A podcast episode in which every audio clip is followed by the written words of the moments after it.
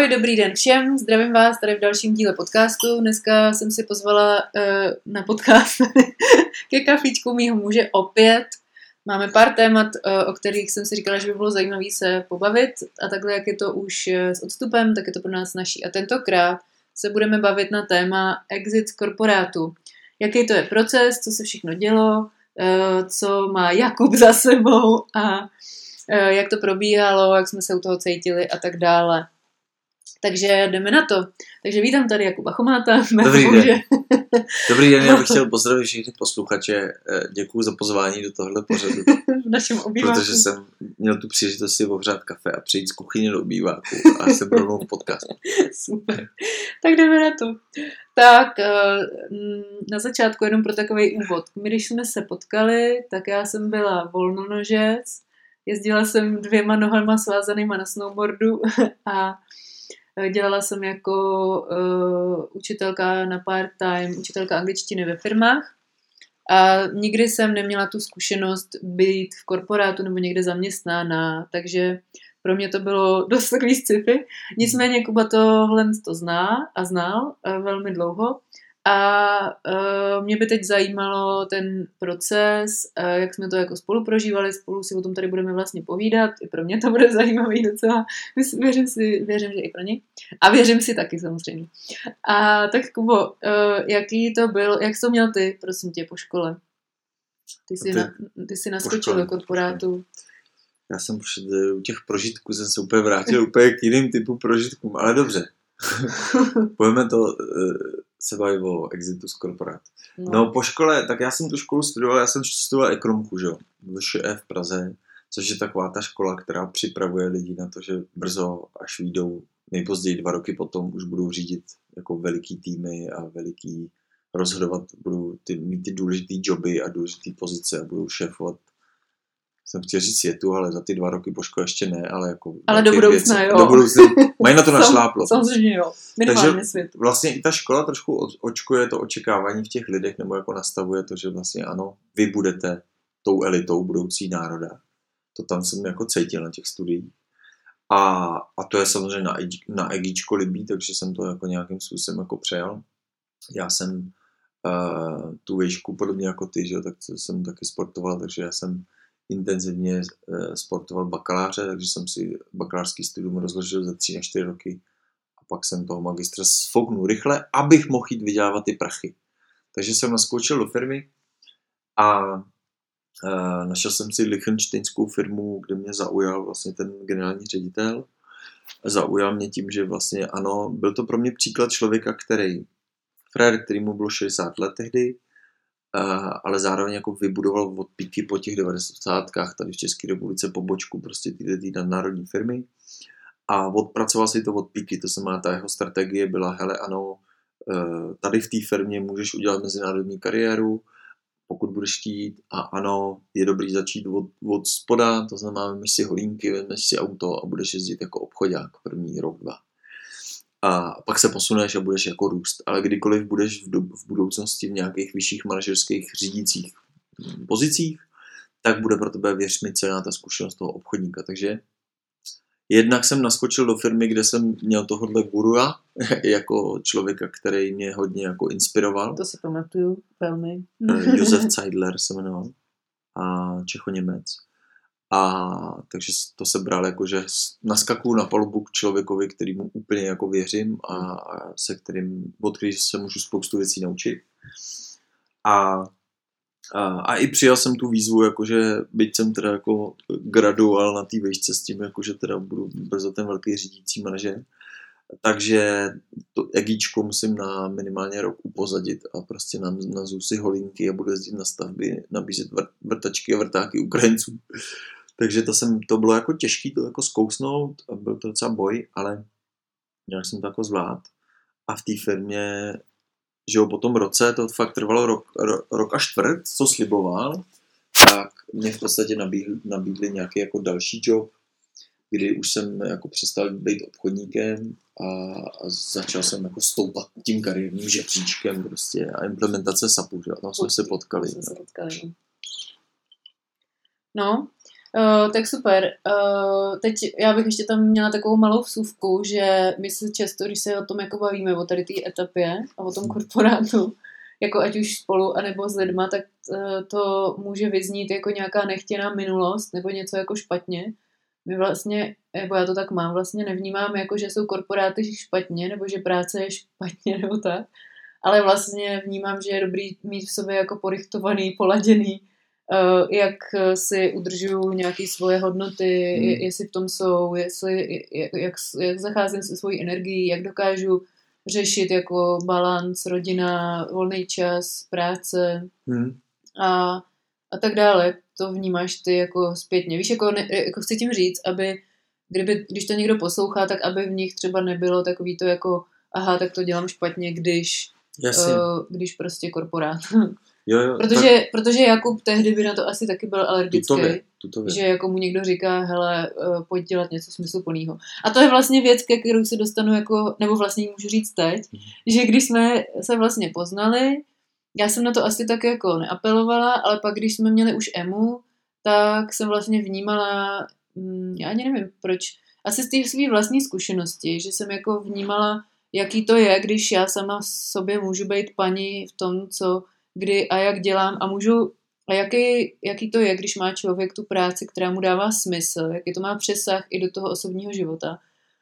A já jsem vlastně tehdy byla asi nejvíc naštvaná z toho, že ty jsi byl v tom korporátu, to bylo vlastně to, co se dotýkalo mě osobně, hmm. že ty jsi byl v tom korporátu jako lapenej tím stylem, že si tam prostě musel pravidelně chodit a nebyla jako nějaká šance, že bychom se mohli třeba na dva, tři měsíce jako zdechnout. A to bylo vlastně hmm pro mě, já jsem na to byla zvyklá, tím, že jsem jako jezdila na snowboardu, tak já jsem na léto vždycky mohla na tři měsíce někam vypadnout a pracovat někde v cizině.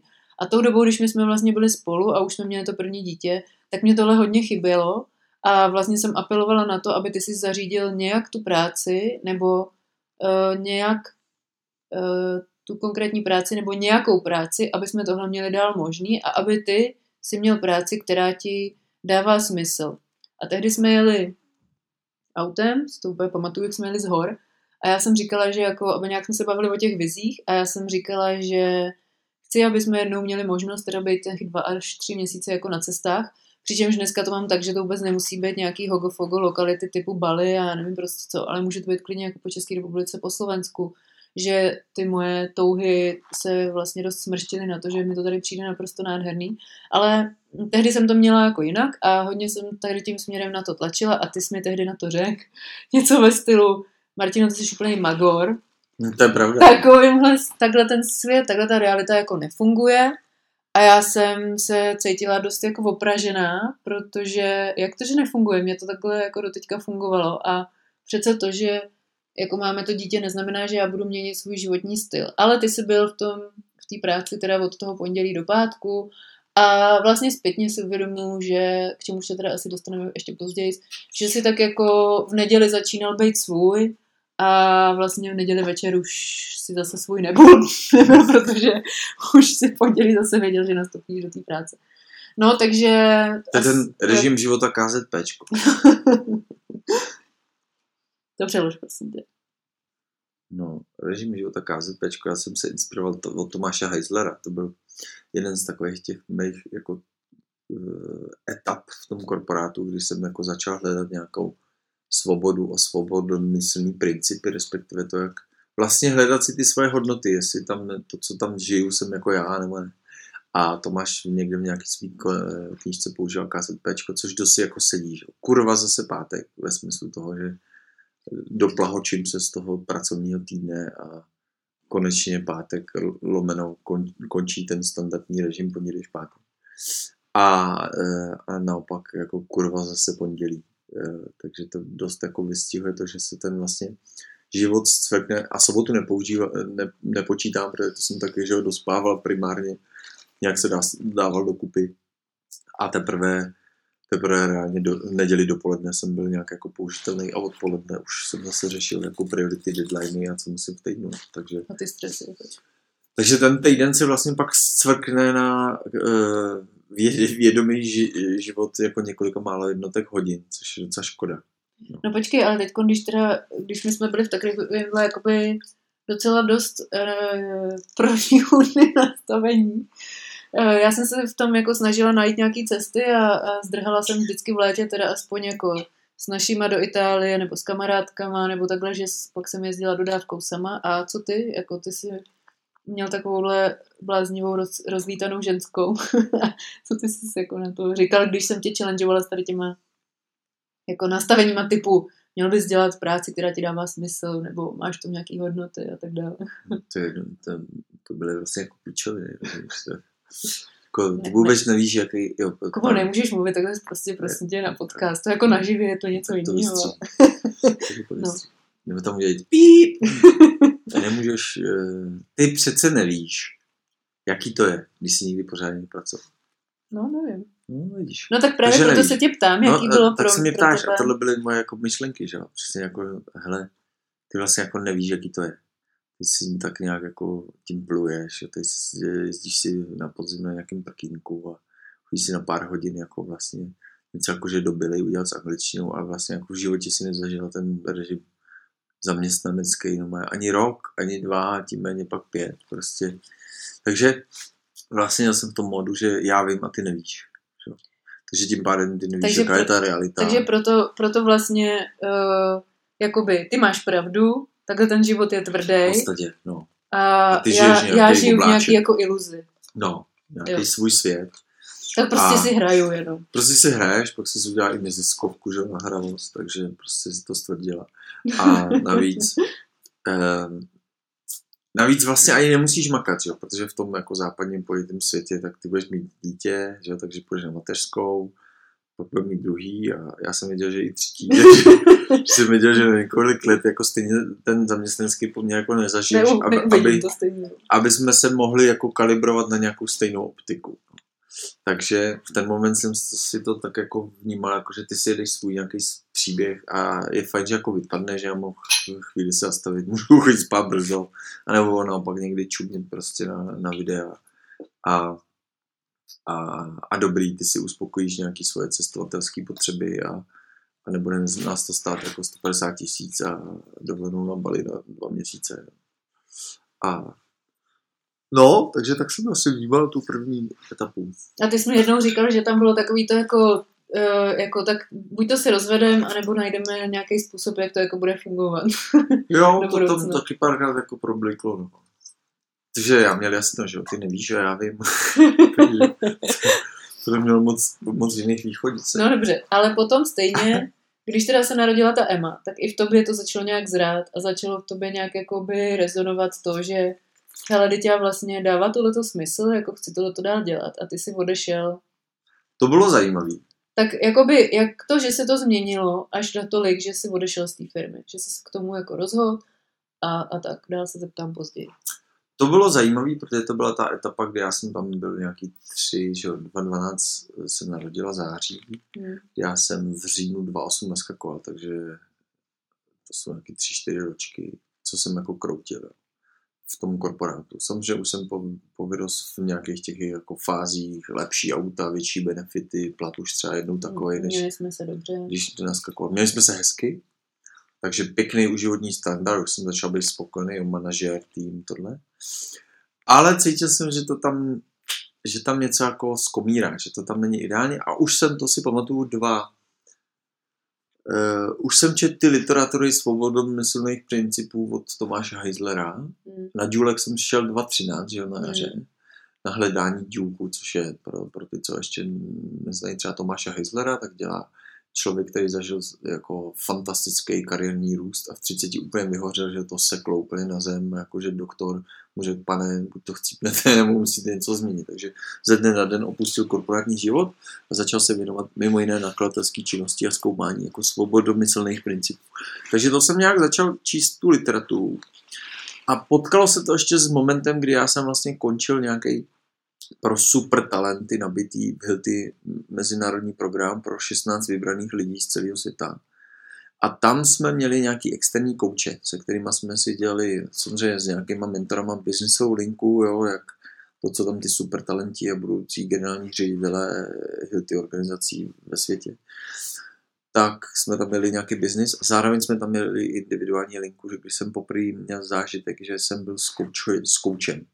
A ten mi kladl takový ty jako otázky bazálního charakteru, jako co teda vlastně fakt chceš a nespokojil se s tím, že teda jako chci být fakt do, dobrý manažer a nabitý auto, jo. A šel jako hloubš a hloubš. A vlastně přived mě k takový tý, tomu uvědomění si, že já možná jako žiju dost nějaký předobrazy toho, co si možná vytvořili, co mi vkládali do hlavy moje rodiče, co by bylo jako dobrý mít a dělat. A že tak nějak jsem po cestě jako zapomněl na sebe. A takhle, že když se to spojilo, že se tom, tohle jsem si uvědomil, že možná to, co tam jedu v tom korporátu, jakou linku, že to možná nejsem ve skutečnosti úplně já. A jedna. A dva, Tomáš Heisler, příklad vyhoření, prostě fréra, který do toho skákal asi podobně jako já a byl o pár let napřed a totálně ho to smetlo. A dva, tři, to pak, když se jako blížilo narození Emmy a když se narodila Emma, tak to vlastně taky jako provokovalo ty otázky, jako že hele, co jsou teda jako fakty moje hodnoty, jako jak to vlastně jako fakt chci odžít. A tyhle tři věci podle mě se jako spojily, tak to ve mně začalo vyvolávat jako velký nejistoty ve smyslu toho, hele, chci tu vlastně být, nechci tu být, jako baví mě být vlastně, proč to jako dělám. No. To je zajímavé, že mě třeba ta, eh, to první dítě jako hodně přenastavilo ty hodnoty, jako hodně, ne, nevybavuju si z minulosti, co by tak markantně přenastavilo ty moje hodnoty jako narození dětí a konkrétně to její, hmm. toto, jako toho našeho prvního dítěte. A vlastně uh, je zajímavý, že se to děje i u chlapů, byť tam ten porod uh, jako nefunguje samozřejmě stejně. Ale, uh, ale teď jsem někde měla rozhovor s jednou důlou a ta říkala, že když tam ten chlapík je u toho porodu, má tam nějaké aktivity a i to dítě si vyloženě jako hned po tom porodu drží, což ty si jako jim měl v ruce. Takže vlastně to uh, dost podobné věci se jakoby dějou i jemu a naskakuje automaticky do té otcovské role. A je tam asi dle mýho nějaká ta míra zodpovědnosti toho, jaký ten vzor ty tomu dítěti předáváš a co vlastně ona, eh, ono od tebe jako pokouká. Takže mi přijde zajímavý, že i v té mužské rovině to může mít ten smysl toho, to, nebo ten rozměr toho, že hele, co já, jaký ten vzor já tady jsem. No a Tohle nevím, si... jestli bych si tam, jestli jsem si tam jako uvědomoval. Možná někde v hloubi, ale spíš jsem jako vnímal, že, že tady je najednou, víš, že v ten moment ty jako moje partnerka, jsi nějaký dospělý člověk a jestli spolu budem nebo nebudem, nějak se o sebe postaráš.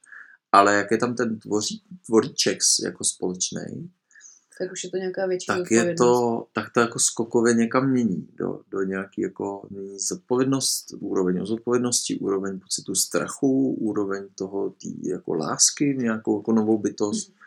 že tam už vlastně do ten moment jsme vlastně byli my nějaký dva dospělí partneři vedle sebe, ale jak, jak přišlo ten potomek, to ani ten pes jako není takový pro mě, že to víš moc dobře, ale jak mm. přišel ten potomek, tak tak a teď jsem měl v tom náručí, jako v té příbrami, tak to najednou, tam se jako z- změnilo spoustu věcí. No, no uh, já jsem teď chtěla něco říct, ale teď si do toho, jak mi to jako vyskočilo. Uh, no, je to jedno. Uplavala, uplavala rybička.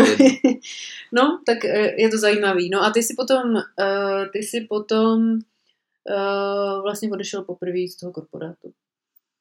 No, to byl rok 2013. Dal jsem výpověď na jaře, někdy potom dílku, podle mě. A, no to bylo uh, ještě takový, dělali jsme hodně takových naivních jako rozhodnutí. No. Přiznejme si to. Jo, jo, tak mě nadchl nějaký týpek, který, který dělal techniku horsemanship, neboli jako bral manažery ke koním, dělal s nimi různé techniky, aby vlastně si testovali a validovali svoje nějaký manažersko-lídrovské dovednosti, protože to zvíře jako nevokecá, že tomu, tomu je to jedno, ale nemluví. A e, takže s tím jsem jako nějak laškoval, že se jako dám na kariéru lektorskou v roce 2013 ve spolupráci s touto firmou. A zcela naivně jsem dal rovnou výpověď z Hilty, jakože končím. No, spíš jako tím, že jsme si mysleli vlastně, že uh, tak to bude, neměli jsme vlastně, měli jsme nějaký jako uh, třeba finanční zálohy, nebo víš, jako měli jsme jak to jako zvládat dlouhodobě, já už to jako moc nepamatuju.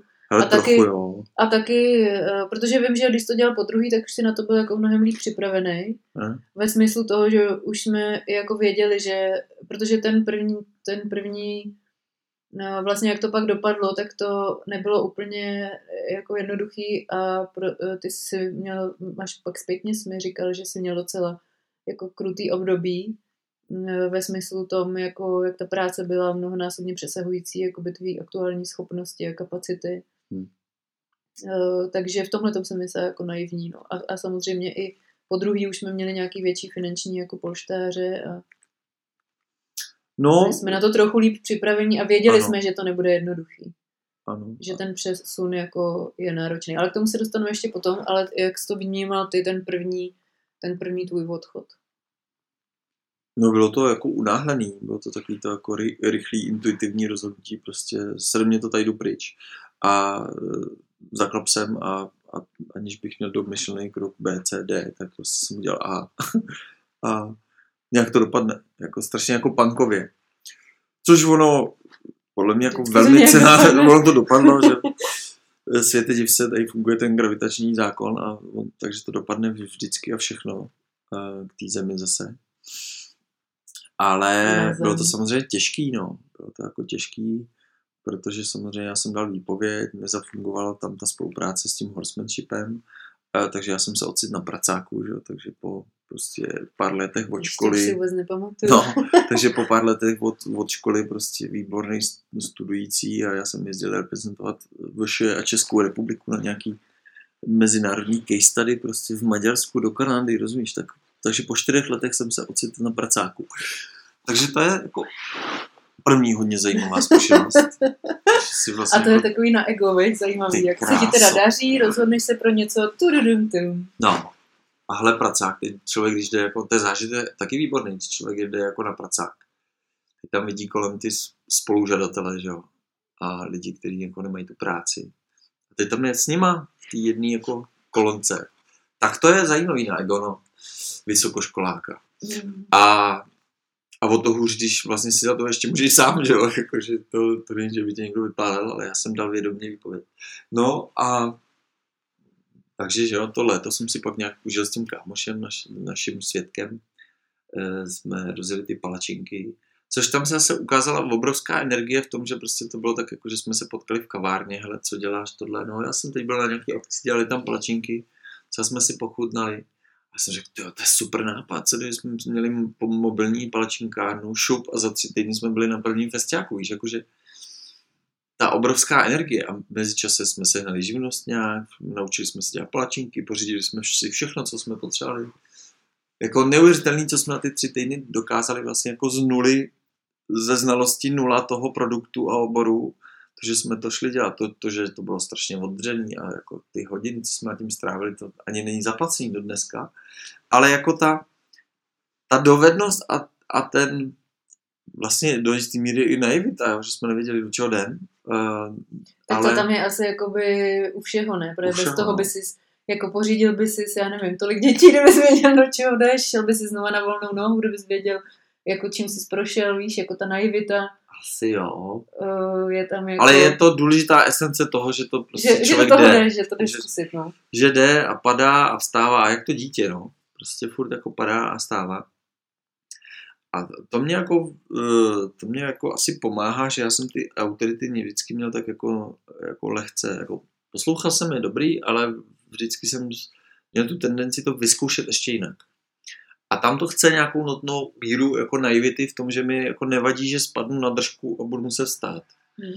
A, a zároveň je, je jako dobrý to B, že jsem měl jako výborný background svých rodičů, že fakt jako kdykoliv jsem spadnul, tak oni mě jako nikdy nenechali, jakože v tom úplně jako víš, do nějakého pasťáku, děcáku.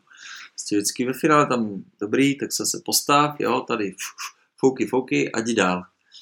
Takže to zároveň ta důvěra jako nějak v ten svět, že nikdy mi to nenafláká tak jako na co bych nezvládl. Takže hmm. to asi je taky jako důležitý základ té mojí naivity, že No a potom, potom si teda měl takovýhle jako, takovýhle náročný střed, eh, byl si v jedné firmě, kde to jako nedopadlo, protože to bylo mnohonásobně náročnější, než eh, co si měl kapacitu jako ustát a pak se vlastně rozhodl, protože uh, prostě ta realita byla náročnější, tak si šel zpátky požádat, jestli by se mohl vrátit do toho korporátu. Oni tě vzali. Protože jsem odešel ve vší slušnosti, což si myslím, že taky do, další dobrá fajn, jako ty věci zavírat v nějaký jako rozumné slušnosti. A takže jsem to neudělal že- jakkoliv huldvácky, ale vzhledem jsem odešel ze vší pokorou a s díkem.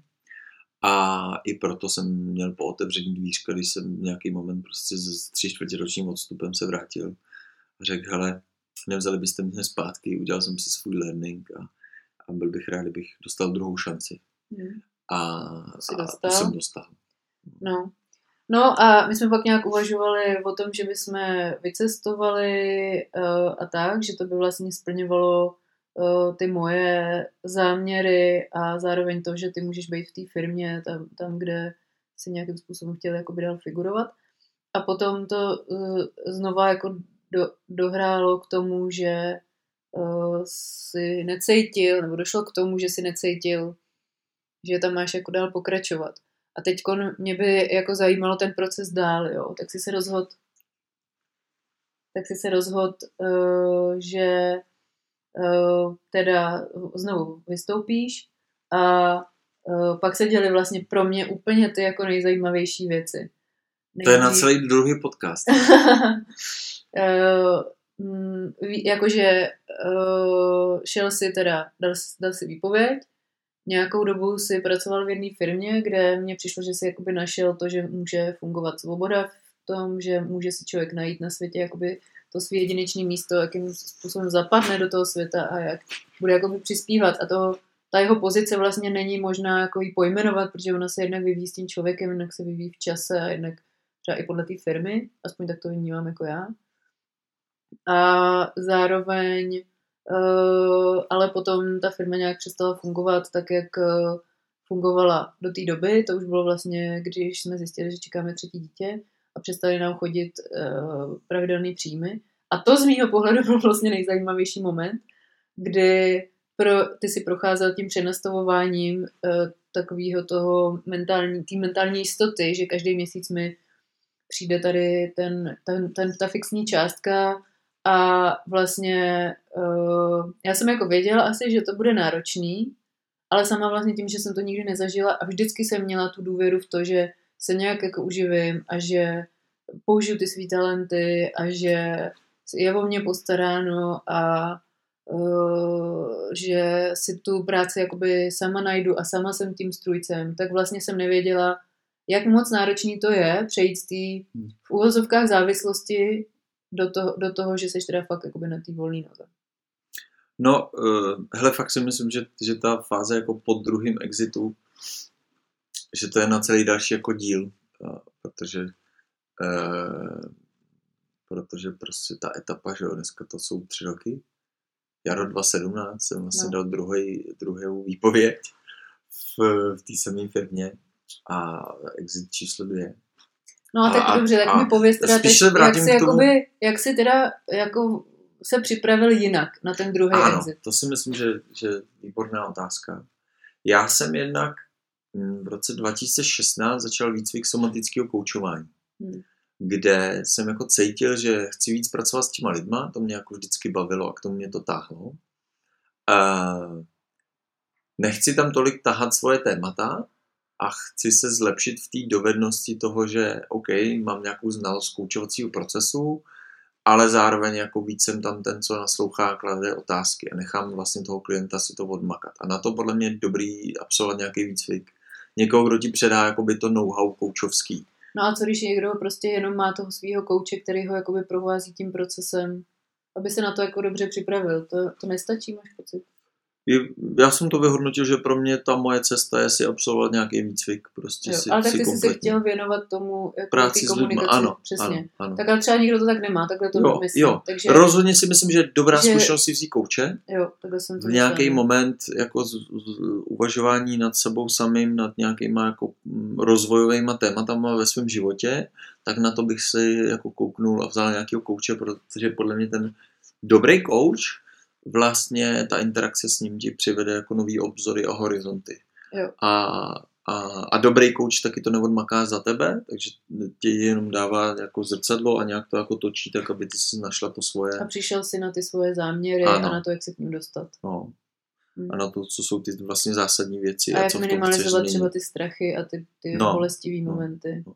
Hmm. A, a, a vlastně nedává ti nutně jako nástroje a odpovědi, no a pak ti dává otázky, aby ty si to objevila. Takže to mi přijde jako velmi funkční nástroj v tom, že, že ty si vlastně zmapováváš to svoje nějaký téma, jdeš si ve svém tempu a, a zároveň se koukáš na ty jako věci, na které se nechceš třeba kouknout předtím sama a nekoukneš se na ně sama, spíš máš tendenci je opominout, Hmm. tak on tě k ním jako strukturovaně jako vrací a že si to jako teda musíš objevit a na základě toho jako si, si definovat vlastně, jak to chceš. Takže první bod je, že, jsi teda, že by si teda našel toho kouče, Hmm. nebo že jsi ho našel a ty si sám prošel jako takže jsi se jako přibližoval k tomu, co bude ta tvoje budoucí profese, čemu se jakoby chceš Ano. věnovat. Školil ses v tom, v rámci toho, co uh, si, dělal v tom ko- korporátu. Mně třeba ještě přišlo, promiň, mně ještě přišlo důležitý, že ty vlastně, i když jsi mluvil o těch palačinkách, takže vlastně ve chvíli, kdy a často to právě lidi, kteří takhle píšou o té práci, eh, ve chvíli, kdy ty si sice měl nějaký sen, ale vlastně ty tvoje hodnoty tě furt ještě táhly k tomu, že teda chceš pracovat v tom korporátu, tak ty si furt měl ještě takovou tu funny část, že si jakoby chodil na, dělat ty palačinky. A i když já jsem jakoby byla dost času, si pamatuju, eh, když jsem byla po druhý těhotná jakoby sama, protože tou dobu jsme bydleli na chatě, tak uh, ty si vlastně po práci ještě jezdil a o víkendech na ty akce a já jsem to jako, uh, nemůžu říct, že bych to tolerovala stoprocentně, asi jsem byla místoma jako hodně taková přísná, ale zároveň do jisté míry jsem to tolerovala, protože jsem vnímala, že ta práce v tom, tý, ta práce vlastně v tom korporátu, který člověku až tak úplně nedává jakoby smysl v jádru, musí být tak náročná a musí být vykompenzovaná tím, že člověk dělá něco, co mu v tu chvíli smysl jakoby dává. Nějaký přesně to play every day, Ano. nějaká ta hravost. A v tom jsem jako vnímala ten benefit, byť to pro mě bylo jako náročný být tolik času sama. No. Já si dokonce vybavuju jako momenty, kdy jsem prostě přes oběd, že jo, protože v Česticích byla firma a v Rarotíně byly palačinky na biotopu, že? takže já se pamatuju, že tam třeba dva, dvě léta, já jsem přes oběd v makru v Česticích naložil superba, mlíkama, moukama a jel jsem do Rarotína prostě za zásobit stánek.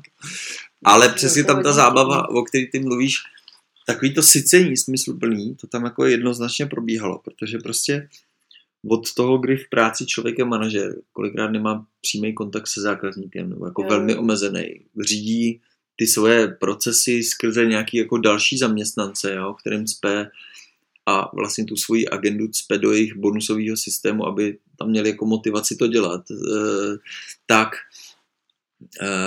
já jsem dělal v marketingu, že? takže marketing prostě potřebuje namotivovat obchodníky, aby prodávali to, co marketing potřebuje, aby se prodávalo za jaký ceny, že? když to Mm. hodně zjednodušit. A vysvětlujeme jim, jak to lépe mají prodávat. A takže kolikrát ani nevidíš toho zákazníka. A naproti tomu, když jsi s těma palačinkama, tam jsi za pultem, prostě vymyslíš zástěru, teď jim uděláš to těsto. Teď jim prostě uděláš tu palačinku a teď oni se vrátí a prostě ty, ta palačinka byla fakt super, jsme si pochutnali a chci ještě jednu. Tak to je jako bezprostřední satisfaction, nebo jako zpětná vazba hned. A hlavně je tak škoda, že už si k němu nemůžete přijít na kafe nebo na palačinku, že už jako ani kafe kolo, ani palačinky nedělá, protože je to prostě fakt zážitek. Já jsem kolikrát těm ženám záviděla, protože oni tam přišli prostě na kafe a ještě dostali ten kompliment, prostě jak jim to dneska sluší a, a že ty prostě a, a, a jako nemyslím si, že by to bylo takový jako nějaký přehraný, že prostě fakt si, nebo vnímala jsem, že si fakt měl tu touhu těm lidem jako zpříjemnit den a že tam to byl ten přesah, aby jakoby v tom koloběhu, co ty lidi zažívají, ty si jim přines nějaký to zastavení, něco to příjemného pro ten život, kde oni si jakoby odfrknou a mají to prostě ten stoprocentní jako krásný zážitek. No a to je vlastně nějaký jako typ číslo dva za mě. No. Typ číslo jedna, pokud jako na tom Kouče. zložil je coach, typ číslo dva, nebo začít se potkávat s nějakýma lidma, jo. Já jsem začal eh, kolem Tomáše Heislera prostě číst ty svobodomyslné knížky, občas jsem vy- vyrazil na nějakou akci prostě nějakých freelancerů v hubu nebo v různých jako networkingových Hmm. akcích. Prostě potkávat ty lidi, kteří třeba už jako vystoupili nebo nebo spolupracují s korporátem z jiné strany, ale už jsou spíš jako na té freelancerovské straně. Takže potkávat tyhle lidi, protože pravděpodobně jako budou sdílet ty své jako další typy, číst, číst nějaký knížky, koukat na videa No a zároveň si najít nějakou aktivitu, která teda jako sytí, jo. A byť by to bylo jako neziskový, nebo to A může bylo to být jako nebo... taková eh, zlatá linka vedle toho, Ano. vedle té práce, která se jednou třeba v něco vyvine. No a hol tomu člověk dává nějaký čas navíc, jo, prostě já nevím, po večerech, z kraje třeba víkendy, Ale tak to nějak jako poladit, ale vlastně mít tam to svoje vlastní sycení, který vím, že mě jako bá a byť tam zažívám spoustu jako fuck upů a třeba to ekonomicky není takový, tady a teď, hm, a, ale vlastně ty fuck upy mají, mají vlastně významný, eh, významnou váhu v tom formování té budoucí cesty, stavu toho, jak to člověk vlastně chce. No. No a upřímně bez té hravosti nebo bez toho, co nám dává smysl, bez ohledu na ten výsledek, to je něco, co třeba já zažívám teď, je- se prostě dlouhodobě nedá fungovat. Nedá, Jakože my máme ve všem prostě nějaký to očekávání, ve všem směřujeme tu pozornost na ten výsledek, který nějaký konkrétní musí být, ve chvíli, kdy Hmm. takový není, tak jsme z toho rozložený, uh, smutný, bla, bla, bla. A zároveň, když máme jenom tu práci, která jakoby nás drtí, protože tady musíme zaplatit ty účty a tu hypotéku, tak eh, je to prostě docela úspěšná cesta do nějakých stavů deprese, vyhoření Úzkostí. a tak, no, že No. to jako... A, a vlastně ta radost vedle toho může být cokoliv, jakoby jít si na jogu, jít eh, si projít do lesa, cestovat, přesně jak jsem to měla já, nebo takhle, no. Eh, aby ta radost, jenom, jenom mám potřebu jako doříct, aby ta radost nebyla spojená třeba s chlastem nebo drogama, jenom aby byla jako No. lazená tou pozitivní No, konotací, jasně. že jako konám, ale jen to, že utíkám Něco- k něčemu, Jo, jako jo, jo. nutně jako, že Jo, nějaký přesně. závislostnímu typu. Eh, aby, si posluchači třeba nemysleli, že je super začít hrát prostě automaty, no. že tam spíš to chce nějakou Tam je ta hravost, ale jinak. tvořivost v nějaký nový aktivitě, která mě třeba- sytí.